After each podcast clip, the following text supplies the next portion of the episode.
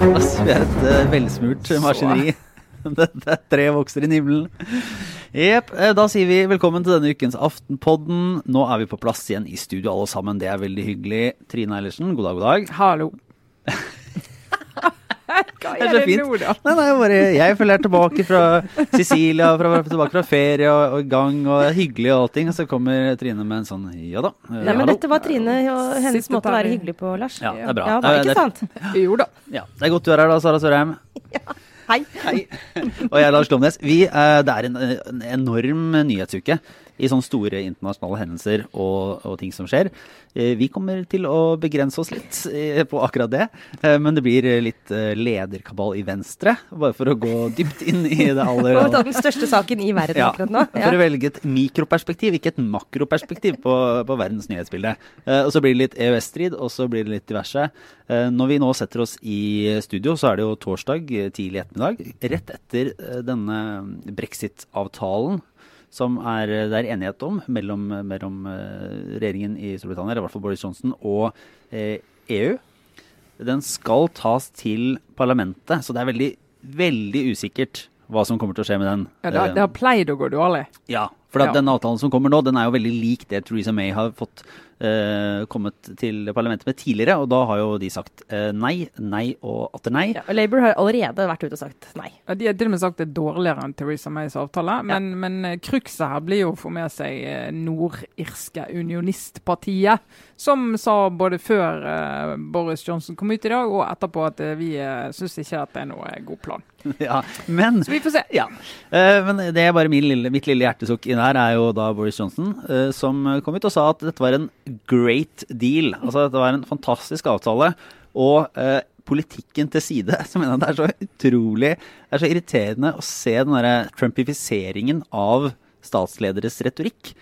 For nå er alt er sånn herre great og wonderful og uh, best deal ever. Og det er eh, Kunne ikke bare sagt altså Det er ingen som ville sagt, heldigvis, i Norge foreløpig, at dette er en fantastisk avtale, når du åpenbart har omtrent hele verden mot deg.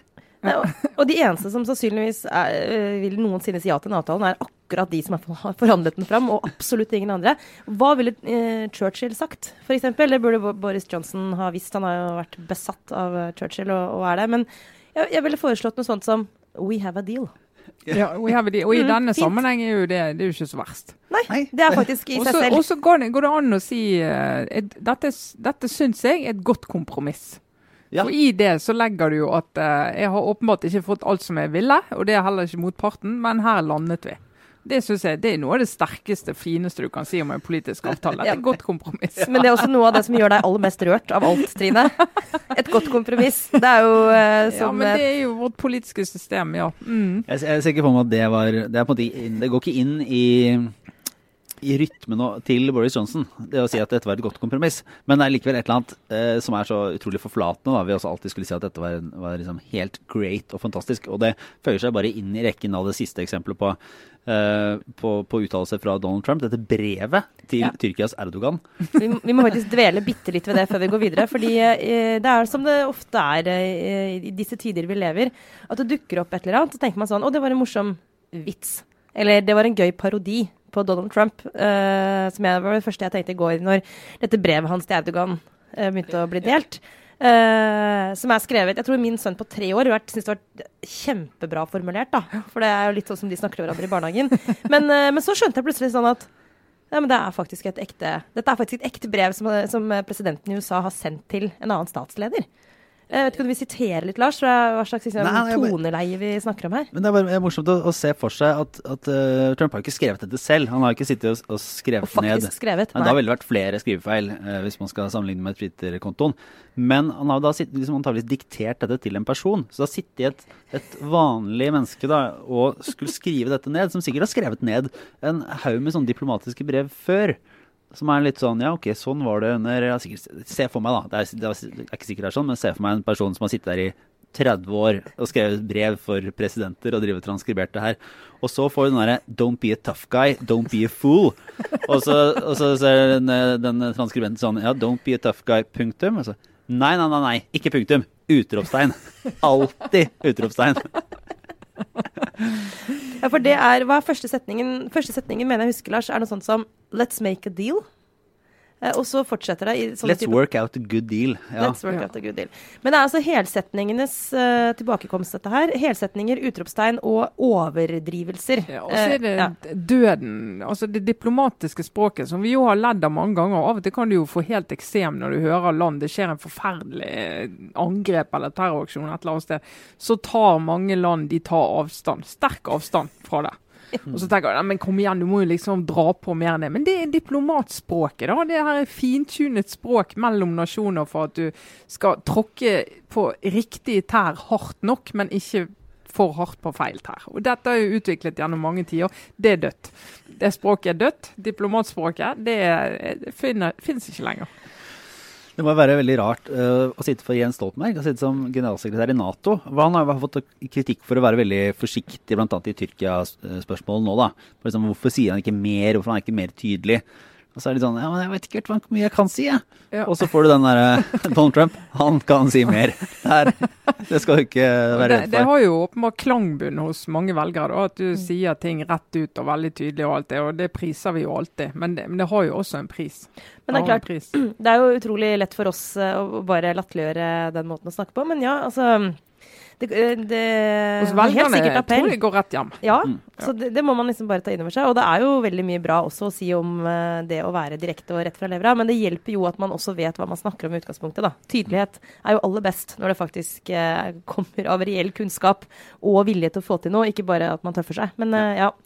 Det funker sikkert, eh, men ikke for å lage fred i verden. Det, tror jeg, det tør jeg vel å påstå. Ifølge BBC så tok Erdogan og kasta brevet i søpla. Så, men eh, det, var, det, var, det jo ikke den mest sånn vektige delen av hele Tyrkia-Syria-kurdiske spørsmålet, da, men- eller- eller brexit for den saks skyld. Men eh, av og til når man først har en podkast, så må man få lufta lufta litt ting som er irriterende. Men eh, nei, vi skal inn i eh, Venstre, som jo eh, nå har vent seg til livet i regjering. Har gjort et par ikke så spesielt gode valg i det hele tatt. Og de har landsmøte i april 2020. Neste år. Eh, Og altså nå på søndag, så, eller ved utgangen av søndag, eh, går fristen ut i, hos eh, valgkomiteen for å komme forslag til hvem som skal utgjøre den nye ledelsen. Og Hvis det blir en ny ledelse, da. ja, altså hva skal jeg si, den nye periodens ledelse, for, da, for å være formelt. For eh, Trine Skei Grande har jo sagt at hun gjerne fortsetter. Det har vel også Ola Elvestuen og Terje Breivik, som er nestleder i dag. Eh, men det er jo tydelig misnøye hos eh, mange i Venstre, og bl.a. Unge Venstre, Venstrekvinnelaget og hva heter det, Venstre studentforbund har jo gått ut og sagt at de vil ha endringer i ledelsen. Det er jo, det er jo ganske uvanlige ting at, at såpass sterke grupper går ut og sier at de vil ha endringer. Og det kommer jo nå inn forslag fra de ulike fylkespartiene til valgkomiteen uh, med innspill. Og der, uh, der er det vel også tydelig at mange vil ha en form for endring. Og så er det litt utydelig hva det innebærer. Det er jo ikke offentlige det er ikke offentlige uttalelser sånn i utgangspunktet, selv om noen fylker er tydelige på hva de vil. Eh, Så det gjenstår å se litt akkurat hva som spilles inn. da. Men vi tenkte vi skulle se litt på de fremste kandidatene, egentlig. Eh, og da har det vært, eh, vært mye snakket om Abid Raja i, lang tid, som en mulig utfordrer og en litt løs kanon på Venstres bitte lille dekk. Ja, ikke minst har jo Abid Raja selv snakket mye om eh, at han er en god kandidat, sånn mer eller mindre direkte. Eh, og Sveinung Rotevatn, da, tidligere Unge Venstre-leder. eh, også en slags, for å bli som en slags eh, friend of the pod, eh, deltok som gjest på Sentrum Scene dagen etter valget, annet. Ja, har blitt så proff nå i å være lederdiskusjoner at han har klart å finne de formuleringene som lederkandidater kan bruke eh, når de ikke skal si at de er lederkandidater, men heller ikke si at de ikke er det. Ja, og De har jo da begge sagt at uh, de vil ikke si om de er lederkandidater eller ikke, men de vil gi sitt svar til valgkomiteen. Ja, det er det man sier da. Ja. Det, eh, altså kan det jo sies I tillegg så har man jo altså Guri Melby, som, som har sagt tidligere selv at hun kan være en kandidat.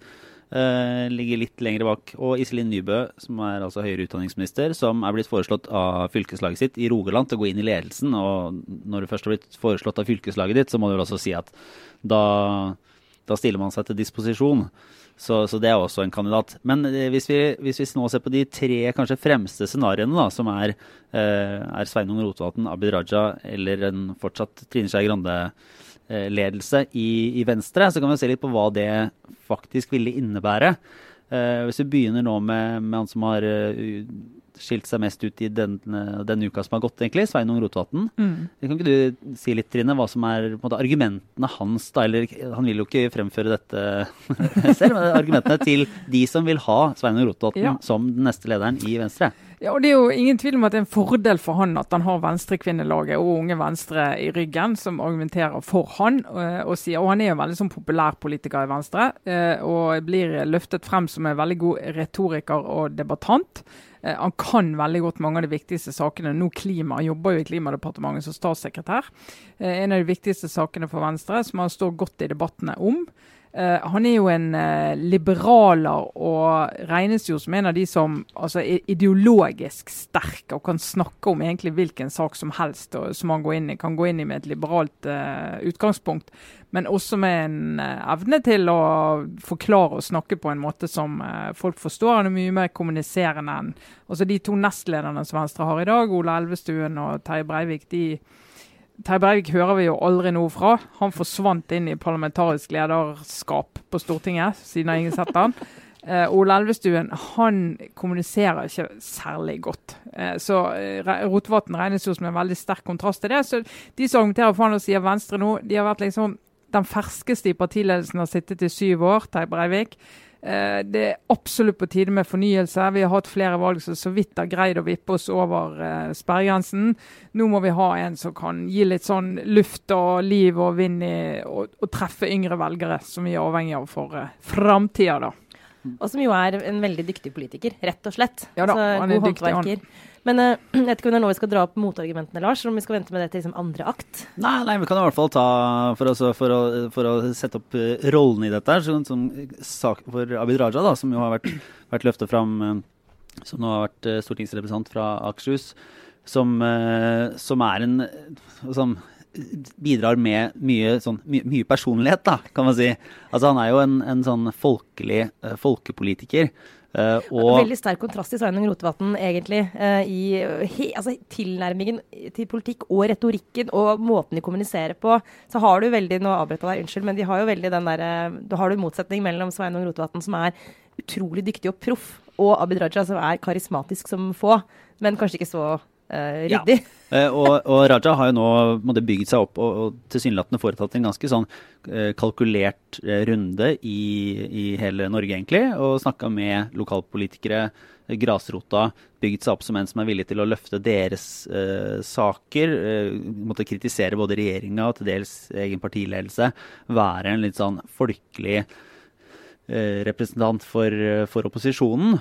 Og han er jo en norsk, om ikke akkurat eh, A-kjendis i det større Norge, så er det en sånn politisk A-kjendisnivå. Altså Hvis du skulle, skulle fått eh, en gjeng med 100 tilfeldige nordmenn til å plukke ut eh, politikere på et ark, så er det flere som hadde kjent igjen Abid Raja enn Sveinung Rotevatn, tror jeg.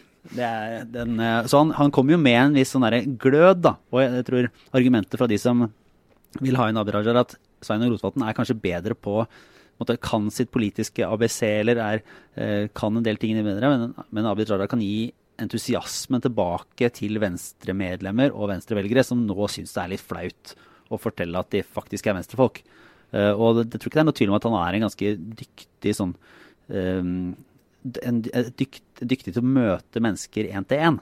Og til å være engasjert i manges, eh, manges oppfatninger. Og så kan det vel hende at eh, han anklages jo for å være vel så engasjert i sine egne Uh, sin, egen, sin egen framgang, da. Men det er jo et politiker, altså, det, det vil jo mange politikere bli anklaget for. Ja, så er det, jo, det, jo ikke, det hjelper jo ikke å reise land og strand rundt til 1800 lokallag hvis ikke du treffer en nerve og de opplever at du lytter og forstår hva de sier, og det har jo han lykkes med. Så han er jo blitt veldig populær. Du hører en del lokallagsledere lokale lagsledere som bare helt flatt det er Abid Raja som gjelder nå. Mm. For han er villig til å, ja, villig til å, til å ta noen av de fightene. Og så, eh, så kan du argumentere med at eh, det er jo et eh, Det har vært en, en analyse, jeg tror Magnus Takvam hadde den i NRK, på at Trine Skei Grande kanskje ville fortsette fordi eh, hvis hun ikke fortsetter, så har Abid Raj så mye grasrotstøtte at, at, eh, at han vil ta over. Og Det er jo litt sånn fascinerende, for jeg har hørt fra noen av støttespillerne til Abid Raja som sier liksom at det, det viser jo at han har en slags, eh, har litt vind i seilene, da. Eh, på, på litt, sånn, litt bakvendt logikk. At, at eh, Trine Skei Grande kjenner partiet sitt så godt at hun innser at Abid Raja har eh, en god del støtte og vil kunne ta over. Men så er jo spørsmålet om Trine Skei Grande faktisk kommer til å gi seg, da, eller eventuelt Ja. bli nedkjempet på et landsmøte. Det er jo en ganske dramatisk hendelse i norsk politikk. Det er jo sånn som alle partier prøver å unngå. Ja. Det vil du ikke ha. Nei, og man kan jo, for å dra argumentene for henne, da, eh, for at eh, Skei Grande skal fortsette som leder, så kan man nok undervurdere også litt hennes posisjon hvis man er litt nærsynt og kun tenker på liksom, det siste, året eller, eller perioden i regjering, som har vært veldig krevende for dem. Men vi må huske på også at hun eh, har klart å holde Venstre over sperregrensa i, i to valg, er det vel nå, og nasjonalt. Tok over etter Lars eh, Sponheim, som ja, fikk dem inn på Stortinget, men så gikk de under sperregrensa. Så hun har liksom Det må kunne sies at ja, du kan Er glasset halvfullt eller halvtomt? Det, jeg tror det må være riktig å si at det at hun har klart å holde partiet over sperregrensa i sin periode, er uh, en, Det er nesten en bragd når du leder det partiet der. Uh, men uh, Ikke at hun har gjort det alene, men hun har en sterk posisjon i partiet fortsatt. Eh, og jeg tror hvis man kan tenke på sånn hvem som kan profilere Venstre, og som kan ta Venstre videre Ja, Abid Raja har et relativt uh, kjent navn, men, eh, men Trine Skei Grande er den mest profilerte venstrepolitikeren. Hun kan gjøre en vanvittig god jobb i debatter, hun kan være skarp, hun er ideologisk sterk. Eh, Jeg snakket med en som, eh, som har jobbet med henne, som sa at det er veldig veldig få som er i stand til å holde liksom, like gode, liksom, flammende ideologiske taler. Hun har den der evnen til å liksom, fortelle Venstre hvorfor de fins. Og det, det kan jo være viktig, særlig, være særlig viktig for Venstre, for det spørsmålet kan det jo falle naturlig å stille. Um, så jeg, ikke, jeg tror, i hvert fall ut fra de jeg har snakket med, som sier at det er, det er, feil å skulle hevde at, liksom, at, at hennes ledelse er, er over, og at hun ikke er en, en helt reell kandidat for veldig veldig, veldig mange i partiet. Sånn det må vi passe på at ikke vi fordi vi blir jo alltid veldig sånn gira av en mulig konflikt. Uh, men det er slett ikke sikkert at hun, uh, hun er ferdig. Det kan f.eks. også være at uh, de som vil ha et skifte, også ser at det kan være en fordel at f.eks. en Rotevatn, som er eh, relativt uerfaren, i hvert fall sammenligna med Skei Grande, eh, heller bør komme inn som nestleder i første omgang, f.eks. Det kan også ende opp med det, eh, og at de skifter ut nestlederne. Og det, at, ja. det er jo en hypotese at hun fortsetter to år til, og så har du to ferske nestledere som får eh, trening på det nivået. da. Men jeg snakket jo med en god del venstrefolk eh, rundt det forrige landsmøtet, og de var utrolig opptatt av Da var det jo ikke ledelsen sto ikke på valg. Eh, Men de sa at okay, det er mulig Trine Skei Grande skal gå av, men hun skal ikke gjøre det fordi hun blir senket av en motstander. Det kommer ikke vi til å akseptere. fordi De føler at de skylder henne mye da, etter alle disse årene. Da har hun hatt noen veldig tøffe år bak seg også, som har hatt mer enn politisk, rene politiske belastninger. da. Mm. Så de var litt sånn eh, Mulig riktig at hun går, men vi må sørge for at det skjer på en måte som er fin. Mm. Sant? At ikke hun senkes. Og, derfor, og det tror jeg, tror, altså En sånn som Abid Raja, hvis han går i åpen konflikt mot eh, eller hvem som helst, så vil det, det vil også koste, da. Altså, jeg hørte, jeg hørte en, en liksom litt ulike analyser på, på nettopp det spørsmålet og hvordan det vil utspille seg. Den første er at, eh, at hvis eh, Trine Skei Grande skulle sagt nå, eller skulle sagt på valgdagen, at hun ikke ville ta gjenvalg, så ville det sette i gang en del sånn helt umiddelbare prosesser i det partiet, og du ville fått en lederstrid eh, fra samme dag, altså samme eh, minutt etterpå, så ville folk begynne å posisjonere seg, og det ville ta veldig lang tid, og det ville være noe som foregikk og dominerte den, den høsten her.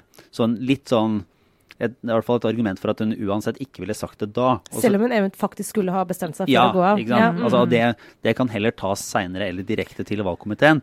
Og så vil på en måte kontrollere det, eh, gjøre sin egen timing på det, heller enn å skulle si det eh, på valgnatta eller si det på en eller annen tilfeldig nyhetsdag i, i etterkant. Eh, så er litt av spørsmålet hvis hun ikke vil gi seg, hvem som eventuelt eh, tjener på det, og om eh, noen kommer til å utfordre henne. Og da, da sier vel litt sånn eller Folk jeg snakker med, at liksom gjengen rundt Rotevatn, dersom han vil stille opp og være en lederkandidat, så skal det mye til før Svein Rotevatn går i en sånn duell og utfordrer. Har vi ventet til han blir spurt? Ja, ikke sant? Ja. Altså det, det er ikke en sånn Å foreta et slags kupp der, det er ikke, det er ikke sånn. Og så spekuleres det om Abid Raja er mer sannsynlig at han kan, kan gjøre det, fordi han måte, står friere og er mer frittalende og sånn sett kan være villig til det. Men jeg har også hørt at han er veldig forsiktig, i hvert fall ikke per, liksom på nå har noen tanke om det i det hele tatt.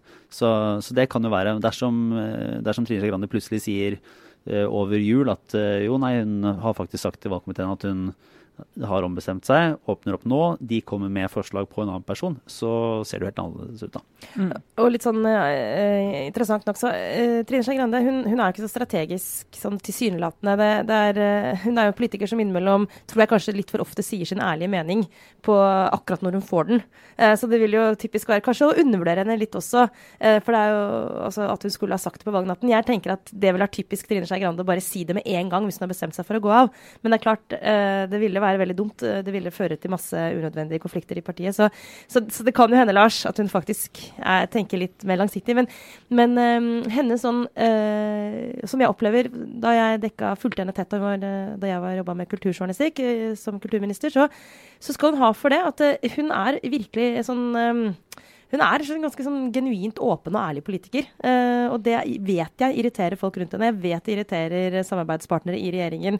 Og det blir mye kluss. Men bare sånn, siden vi nå er litt sånn i det positive hjørnet, så tenker jeg at det er, det er også en ålreit uh, egenskap. Og så står hun jo ikke og skriker sånn 'let's make a great deal'. Det er ikke den typen direkthet. Men hun er nå en politiker som er i stand til å si ting som deg. Så ja, hun skal ha for den. Bare, bare, hun, er faktisk helt sånn motsatt. Hun var sånn, da hun inngikk den bompengeavtalen, så gikk hun ut og sa at dette er en ganske skittig i deal. Det var... Men det er et typisk eksempel på, på Trine Skei Grande på godt og vondt. Altså, Da havna Venstre i en dårlig posisjon som de ikke ja. hadde trengt å havne i. For det er så utaktisk, sant. Ja, men, men det er, ærlig. Men det kommer jo til å bli en diskusjon om kabalen. Så Én ting er lederdiskusjonen, men Venstre har jo en sånn hva er riktig frem mot valget i 2021, og sammensetningen av den ledelsen. og det, det, det, det har de jo ikke landet ennå. Jeg er helt sikker på at Erna Solberg ber til hva hun måtte tro på hver kveld, om at hvis det blir et skifte sånn at det blir Sveinung Rotevatn. Det, det, vil jeg Såpass tar jeg sjansen på å vedde. Ja, fordi det skulle jeg si i regjeringen og i de andre regjeringspartiene så er det jo enda mer frustrasjon med Abid Rajas Faktisk, ja. eh, vilje til å ta ting litt på hælen eller gå litt ut med, med soloutspill og, på en måte, og, og ta den dagsorden, da. Så jeg tror nok at Eh, at sånn sett i, ja, i regjeringskollegiet, eller altså, i hvert fall hos, hos toppen her, så vil det være mer populært med med noen andre, for å være ja, litt, litt, passe populært at han gikk ut i denne brillesaken og markerte seg som uh, åpen for å endre på det. Men Dessverre for Sveinung Rotevatn skal vi runde her, eh, Lars. Men det kan jo også være at uh, det kan bli en hemsko for han faktisk, at han er såpass assosiert med regjeringsprosjektet. sant? For det er jo ikke så utrolig populært ute i hele partiet. Uh, så for han er jo en veldig sånn Han er veldig plassert trygt og godt i, i Erna Solbergs liksom, Blant hennes tropper. Ble, han ble ansett for å være en veldig flink fyr i de kretser, og populær i, i, regjeringen. Og det er klart at det er bra for han der, men ikke nødvendigvis i distriktsvenstre. Så ja, det blir litt spennende, faktisk faktisk. Ja. Men så tror jeg, eh, jeg vil jo si, basert på de jeg har snakket med, så virker det jo som det er høyst sannsynlig at Svein Rotevatn vil ha en god sjanse dersom det blir en ren duell mellom Rotevatn og Raja. Ja. Uh, men det har jo skjedd før at, at, man ikke anerkjenner eller ser helt et sånn grasrotengasjement som plutselig kan mm. være der. Men jeg tenkte bare helt kort til slutt, Trine. Er det noen store sånn, politiske konsekvenser for, for Norge dersom Venstre velger den ene eller den andre? Eller fører det partiet i noen spesiell retning? Nei, altså Det er jo noen som har uh, lest Abid Raja, særlig pga. de kronikkene som vi har snakket om her før, da han gikk i, i synet på Frp. At han ikke er en regjeringsvennlig mann, men han var jo en av de som snakket høyest også om det. Om å gå i regjering før de gikk i regjering. Så han, han har jo nå støttespillere som både vil ut, i, ut av regjering og være i regjering. Det er jo kanskje mer venstre-fenomen enn det kan være i andre partier. Sånn at det er ikke noe sånn åpenbart på sak der. Og han er jo heller ikke en sånn eh, langt ute i det der eh, klassiske distriktsvenstre-området, eh, selv om han har mye støtte fra distriktet. Det tror jeg handler mer om at de opplever at de blir sett. Mm. Uh, og at de har en som kan gi dem oppmerksomhet og, og, og masse farge og lys, uh, enn at det er en helt annen politisk retning på det. Mm skal si, Rotevatn sto da for en Det var en, en oversikt, eller det var en kommentar, tror jeg. Var det Tone Sofie Aglen i VG som skrev at han kunne bli oppfattet som i overkant urban og liberal. Det er jo et paradoks for en som kommer fra fra Nordfjordeid. Ja.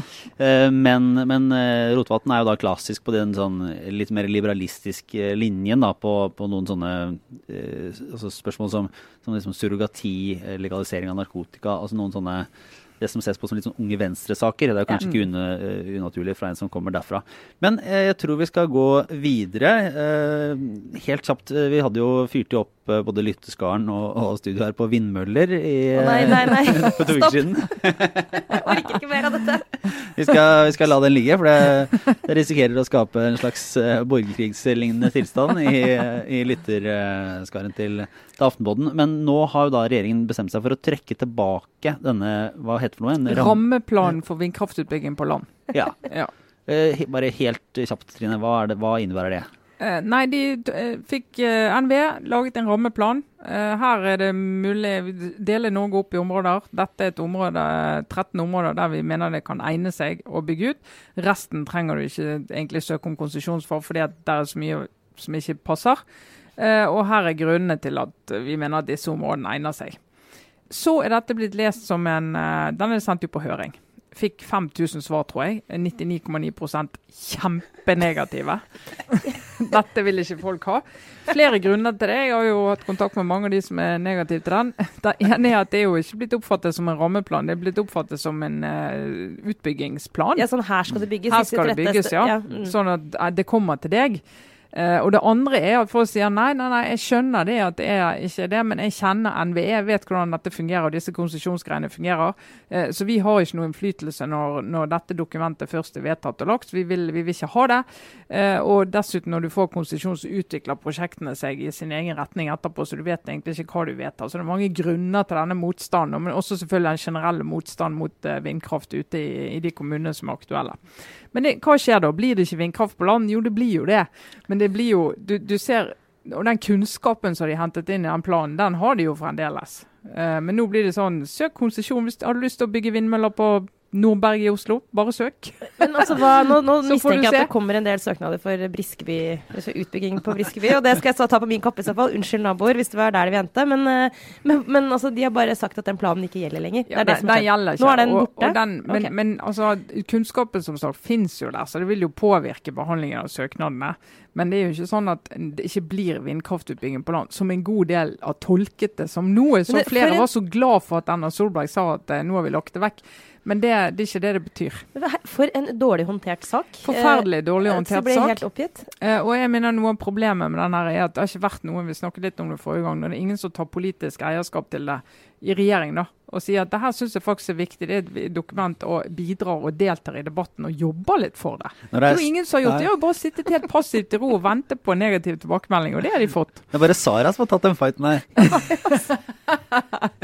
Ja, men nå eh, vil jeg nå, tenker jeg, om jeg skal eh, la det ligge. Jeg skal bare si eh, helt til slutt at um, sånn, Trine, litt kort om vindmøller. Ja, greit, Lars. Du må gjerne liksom prøve å introdusere Ja, denne bare, du, saken. bare du sier, nå du sa du vindmølle istedenfor vindkraft. Da, da får du pådra deg en e-post med en gang. Vi, Er det ikke vindmøller de skal bygge? Jo, men du skal si vindkraftanlegg.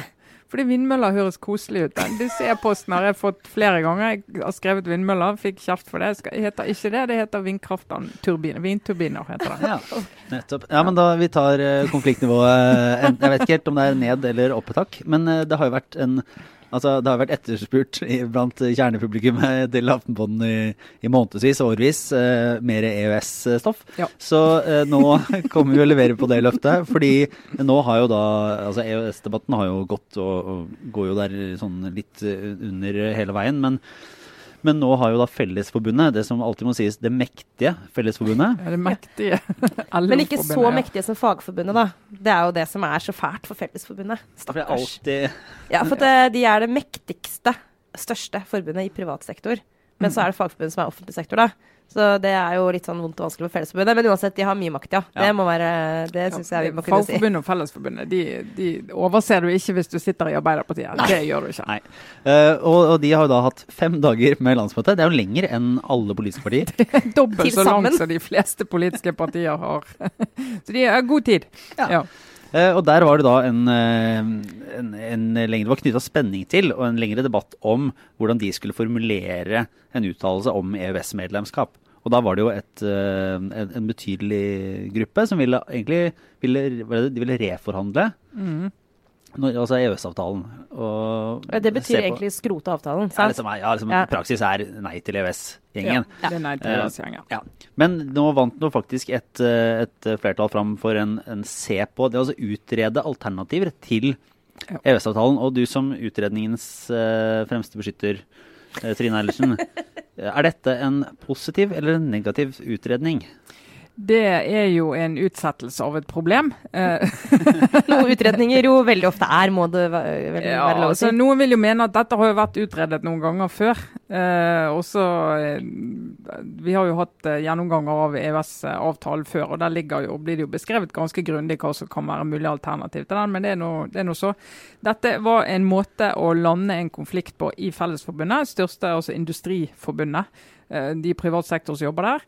Eh, og en god del av de som er engasjert i dette og som vil ut av EØS, de jobber i bransjer der de ser at de blir underbydd på lønn fra østeuropeere og opplever sosial dumping og er opptatt av altså, press på lønns- og arbeidsvilkår. Pga. arbeidsinnvandringen etter utvidelse mot øst 2004 så fikk vi jo fri flyt, eh, as you know, av arbeidskraft. Eh, og det mener de har sett tiltakende. Og det har vi jo sett, det har jo endret norsk arbeidsliv. den eh, forflytningen av arbeidskraft. Det ligger jo bak mye av det som skjer i brexit. Så det er ikke noe unik problemstilling for Norge, det. Eh, Men så har jo problemet for, eh, for Arbeiderpartiet, siden det er der vi eh, gjerne tar utgangspunkt når vi snakker om saker her, da, er jo at Arbeiderpartiet er jo et EØS-parti. De har jo, når det ble nei til EU den gangen, så var jo EØS det neste. Som Jonas Gahr Støre var med å fremforhandle den avtalen. Og den avtalen har på en måte ligget som en sånn planke, grunnplanke i Norge helt siden det, som har vært vår tilknytning til EU. Så for Arbeiderpartiet å få et nei til EØS fra det største, et av de største forbundene i LO, det er nesten ikke til å håndtere. Nei, for det var, det var vel en av, hvis hvis jeg ikke husker feil, så var det i boken til Jens Stoltenberg. Så ble det nevnt å snakke om ulike regjeringskriser eller ting som var i slutten av av eh, ja. 2012-2013, rød-grønn tiden, så var det jo det. eh, Da var det, det var egentlig ingen av de offentlige konfliktene som var så store som den eh, interne. Eller det var ingen som fikk helt med seg hvor stor den interne var da, eh, da samarbeidspartiene begynte å begynte å lefle med ideen om å, å skrote EØS eller gå ut av det. Da var det sånn Dette var full stopp fra Stoltenberg. Eh, hvis dere vil det, så kan dere pelle dere ut av denne regjeringa her. Ja, det var en sånn, det var en deal-breaker på ekte. Altså det ble, de ble enige om da de gikk inn i den regjeringskonstellasjonen at EØS-spørsmålet skulle ikke opp eh, så lenge de satt sammen i regjering. Og det, ja, det var fascinerende, for at det, det sier jo litt av det. tror jeg, det var få andre saker i den boka til Jens Stoltenberg hvor jeg kunne liksom føle mer mellom linjene på, et, på faktisk på ekte følelser. Altså dette betyr betyr så mye for Stoltenberg, og jeg vil anta for Jonas Gahr Støre. Det her er liksom helt sånn det, Du snakker nesten om din egen bestemor, liksom. Altså, det, Altså, Jonas uh, har jo brukt, uh, formulert seg sånn at han sier det å, å utrede alternativet til EØS. Det er som å utrede eh, alternativet til ekteskap med din kone. Du, du, gjør, du gjør ikke det. Eller hvis du gjør det, veit du hvor det ender. Men, men, eh, men nå har han i hvert fall sagt da, eh, og flyttet seg også her. Og det, det var jo veldig usikkert helt til i går, når avstemningen var litt uvanlig usikkert. For vanligvis pleier noen å ta på seg å telle opp salen og finne ut hvem som ligger hvor. og hvordan det sannsynligvis kommer til å ende. Men det var veldig stor usikkerhet i går. Og Jonas Gahr Støre har jo sagt at han kan leve med at de altså han, han kan for så vidt ikke noe valg, da, men han kan leve godt med at de vedtar at de skal utrede alternativer til eh, EØS. Mens hans svar er jo det er ikke EØS vi må si opp, det er regjeringen. fordi det finnes masse politisk handlingsrom hvis du vil bruke det innenfor denne avtalen for å svare på de eh, problemene som dere ser i norsk arbeidsliv. da. Men, har, med denne, dette vedtaket og den, de, de små opprørene som er Det er jo litt paradoksalt. Det kommer jo nå, da, når støtten i, på meningsmålinger til EØS i Norge er høyere enn eh, noensinne. jo bare. Ja, så, det, så i det store og hele så er nordmenn ganske fornøyd med EØS-avtalen. Men det, det føyer seg jo kanskje inn i noen strømninger som går på denne brexit, eh, distrikt, eh, sentrum, eh, aksen da, og utfordringer. I hvilken grad bør, bør Jonas Gahr Støre og for den saks skyld også Erna Solberg være bekymra for for de, den, altså den, den kampen? Er det, kan det bli et stort spørsmål, eller ligger det egentlig dødt? Altså, er en sånn markeringssak som, som kan løftes av og til, men som aldri kommer helt inn i sentrum av norsk politikk, fordi Støre og Solberg vil si sånn Dette er vi enige om. Ja, men, ja, men, eh, nei, men Før så kunne de jo si sånn Vær stille, unger, dette har vi bestemt. Men det er jo det, den holdningen fordrer jo at du har makt. Og den makten har jo forvitra ikke, ikke helt, altså. Men de såkalte styringspartiene er jo ikke det lenger. I samme grad. Eh, Hva Jeg, tror du, jeg, tror ikke, altså ikke, Folk nøyer seg jo ikke lenger med at du bare sier sånn norsk oljepolitikk ligger fast, EØS-avtalen ligger fast, og at du ikke argumenterer aktivt for det. da. Altså Det må du gjøre på en måte som folk tror på. Men, men det, som, eh, det som er utfordringen for eh, Arbeiderpartiet oppi dette her, det er jo at på den ene siden, hvis de skulle fått et nei mot seg. Og det er litt fascinerende, fordi at det var 300 som stemte for, eh, altså som ikke ville avslutte EØS-avtalen. Så var det 218 som eh, ville det. Eh, Klassekampen skriver at det var veldig jevnt. Men, men, alle andre vil jo mene at det var, det var ganske eh, stort flertall for å fortsette, eh, men, men, å utrede. Og det gjør jo at mange av de som er imot, det er jo folk som har vært mot EU hele veien. Altså De var jo mot mm. EU før uh, utvidelse mot øst, og de, de er bare mot det. Uh, men de lager veldig mye mer ut av seg nå, og høres av flere. Så det virker som om de er mye mer dominerende enn de er. sånn at Derfor har vi trodd at det var jevnere enn det var nå. Uh, mens det er ikke så jevnt. Det er faktisk ganske bra støtte til den linjen som, uh, som ledelsen i Fellesforbundet ligger på. det. Men er, men er, ikke det litt sånn som uh, Nå bare få en sånn vib fra hvordan de som sitter og, og ser på dette litt sånn fra sentralt, alltid har sett på det. Litt sånn med brexit og Trump og at ja, det er noen som snakker så høyt, og de, det er egentlig et stort flertall for måte, vårt syn, da. Og så viser det seg av og til at at uh, hvis, det plutselig, hvis, det plutselig, blir en uh, folkeavstemning da, Hvis David Cameron flytter til Norge og, og, og Jonas Gahr Støre lar seg uh, liksom inspirere, eller en eller annen sånn ting, så, så, plutselig så er det et lite opprør der likevel som kommer overraskende på. Er det noen grunn til å tro at det absolutt ikke er sånn, eller hvordan? Nei, altså det, det kan jo skje, for de har jo en dynamikk, i saken. og Vi så jo denne ACER-saken. Mm. og vi ser, altså Når det blir snakk om nye direktiver på en eller annen måte, så kommer, blir jo alltid det et tema. Men da er det jo Uh, altså Det som Arbeiderpartiet må greie å overbevise om, det er jo at disse problemene løser vi hvis vi får en ny regjering. Og det skal de overbevise om uh, samtidig som de satt i regjering i åtte år. Mens utvidelsen var helt ny og arbeidsinnvandringen pågikk, og forsvarte den veldig varmt. Og ikke gjorde så veldig mange justeringer for å møte kritikken fra uh, fagbevegelsen på akkurat det. Men de skal si at nå vil vi gjøre det. Nå kommer vi til å gjøre det overbevise de om det. mens de som er, Og det er jo for så vidt dilemma for de på ytre, ytre venstre også, som vil ut av hele greien. For de kan jo ikke bare sitte og si at eneste svaret det er å gå ut av EØS. For det er jo, Med unntak av Rødt, tror jeg, så er det jo flertall blant uh, velgere i alle partier for EØS.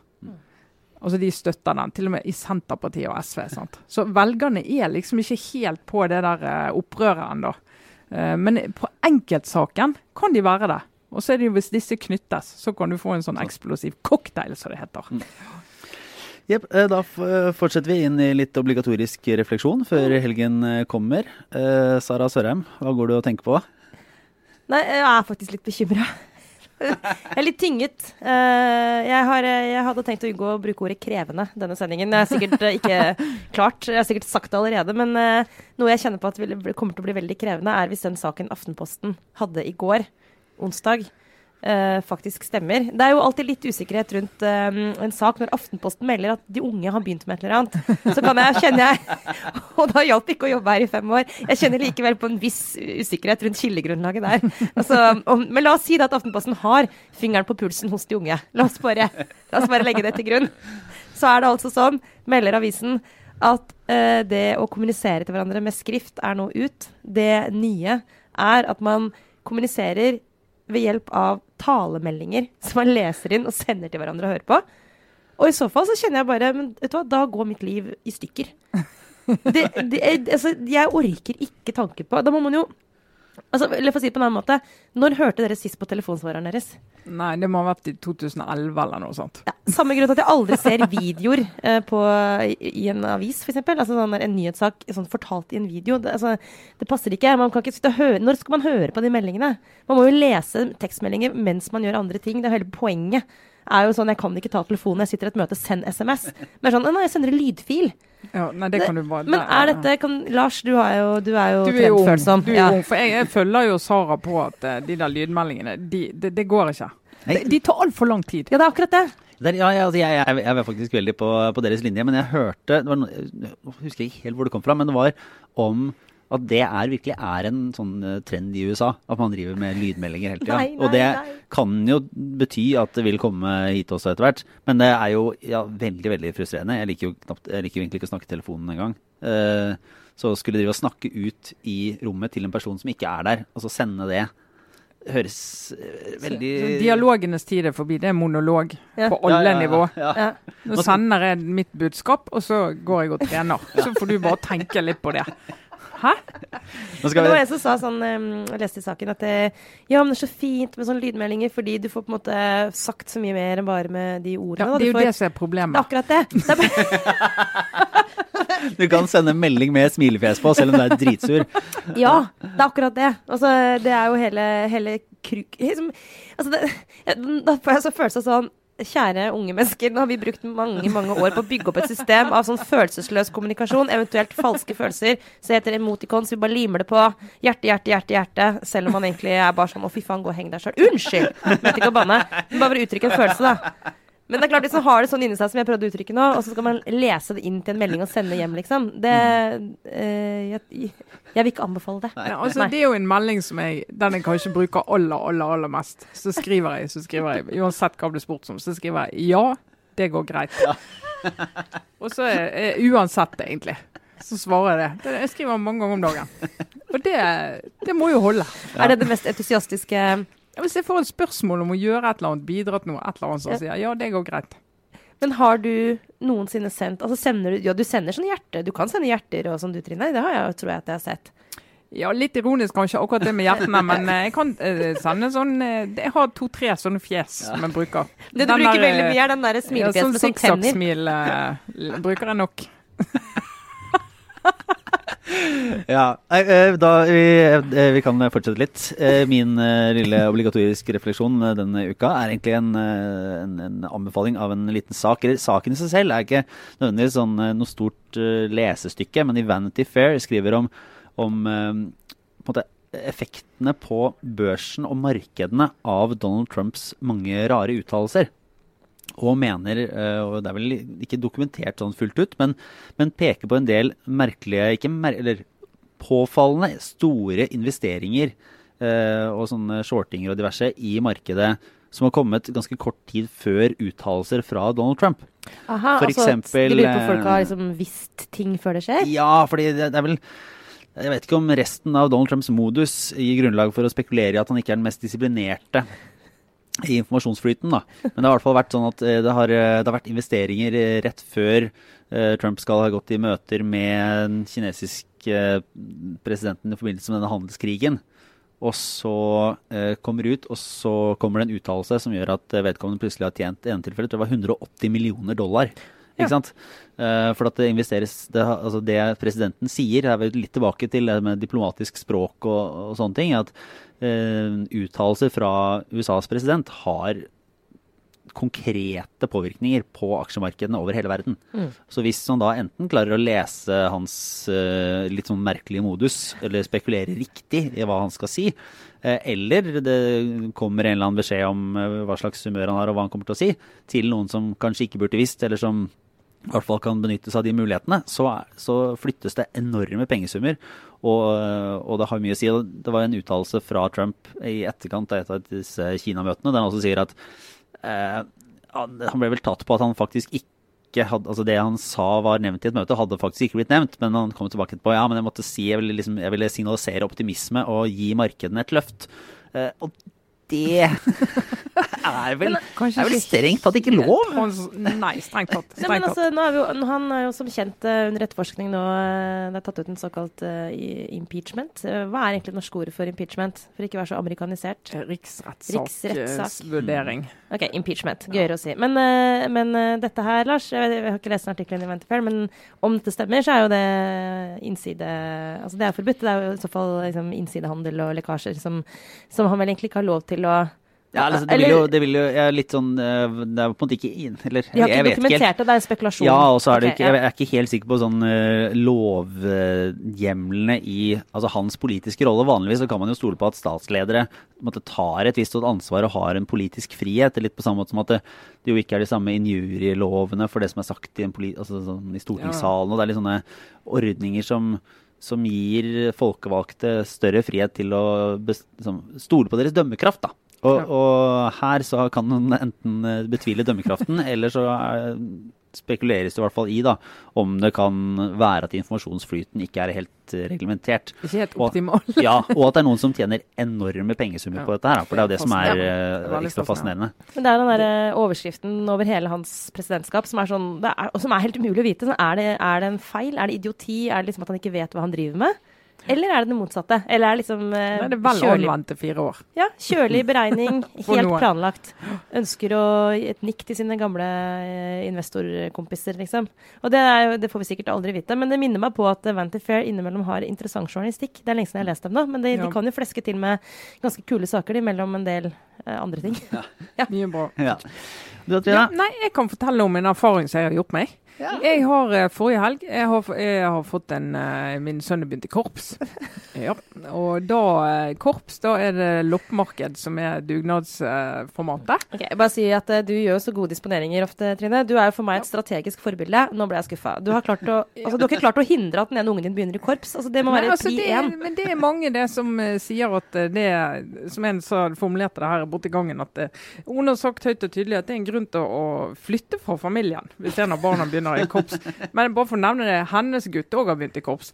For de, de er jo veldig fine, disse barna som har lyst til å blåse i messinginstrument og lære musikk. Så det er veldig fint. Men da tenkte jeg OK, det her må jeg bare gi meg på. Han må begynne i korps. Og da har jeg prøvd, det skal jeg innrømme, jeg har prøvd mye sånn jeg kan betale pianotimer hjemme hvis du ikke har lyst til å gå ut i regnet. Sånn, men det Nei.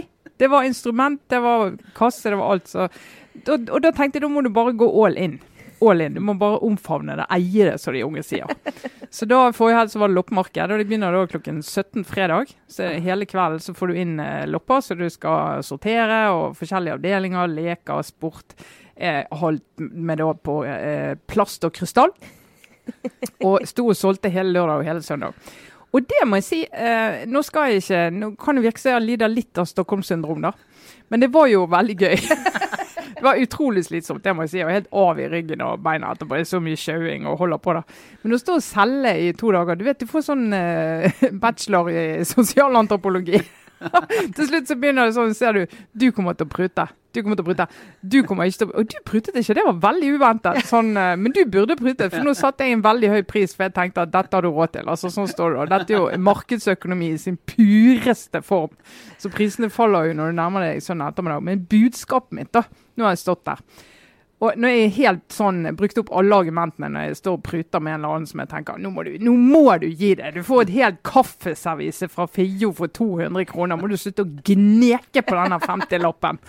Og, og da sier jeg, vet du hva. Nå må, du, nå må du gi deg. Nå må du gi deg. Dette er jo til ungene. Det er jo for musikk på 17. mai. Og det er jo ikke til meg, det er jo til ungene. Og utenom, med et smil, selvfølgelig. For her er du veldig kundeorientert.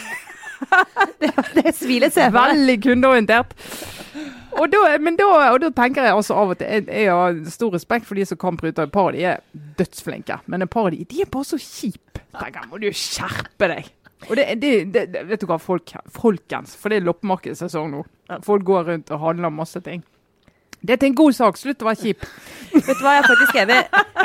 Ja, da jeg vokste opp ved siden av skole, og ikke, jeg har ikke tall på hvor mange ganger jeg har blitt plaga av eh, korpsmusikk. Eh, men jeg innser faktisk, selv jeg, Trine, selv om jeg hater korps, at det er for en god sak. Jeg går på loppemarkeder masse og bruker masse penger, og dessuten, bare helt til slutt, eh, plastlekehelvete, som er småbarnsfamilietilværelsen. Det er så utrolig deilig å, å gå og kjøpe en plastleke til ti kroner, og så leker de med den et år, og så gir vi den Og så videre. gir du den videre. Og alt, nesten så å si alt blir solgt. Så alt blir brukt. Dette er sirkulærøkonomi de luxe. Det er veldig bra. Klimavennlig tiltak er det òg. Særlig når man ender opp med, som jeg dessverre har erfart, å kjøpe tilbake sine egne leker. Ja, det, det kan fint skje. Og ungene, gi ungene en tier, så kommer de og kjøper det de har funnet som du har. Ja, så det er noen sånne ting så, så slag som livet gir. Men dette er en god sak. Ja. Jeg synes jeg, det var en, dette var en uke vi var gjennom eh, eh, stort og smått. Mest smått. Mest smått, særlig siden det er en uke hvor det skjer Det er ikke tull, det skjer helt utrolig mange ting Ja, eh, men da blir vi av og til eh, Vi blir så overveldet vi at vi må bare ta det litt ned. Ja. Og så eh, brexit og eh, Syria og sånn, det må være Vi må se litt mer om, om hvordan, hvordan det går. Det, det, det kan ikke mene noe om denne brexit-avtalen på dag én. Det er, det er praktisk talt useriøst, useriøst. faktisk. Ja, Det får dere ta Skulle på tatt seg ut. ja. det ville vi aldri gjort. Nei. Eh, det, eh, t- takk for nå. Det var Aftenpodden. Trine Eilertsen, Sara Sørheim, jeg er Lars Glomnes. Ha det bra. Hei sann. En liten ekstra ting. Vi er veldig opptatt av å utvikle podkastene våre, både når det gjelder innholdet og annonsene vi tjener penger på. Eh, Derfor har vi oppretta et podkastpanel der vi vil ha med flest mulig. Da kan du gå for å være med til skipstedpanel.no slash podkast. Eller så kan du finne en lenke i beskrivelsen av denne ukens episode. Eller så kan du gå på Facebook-sidene våre og få lenken der. Vi håper flest mulig melder seg på og sier ifra om hva som er bra, hva som kan bli bedre, hva dere absolutt ikke vil ha. Takk, takk.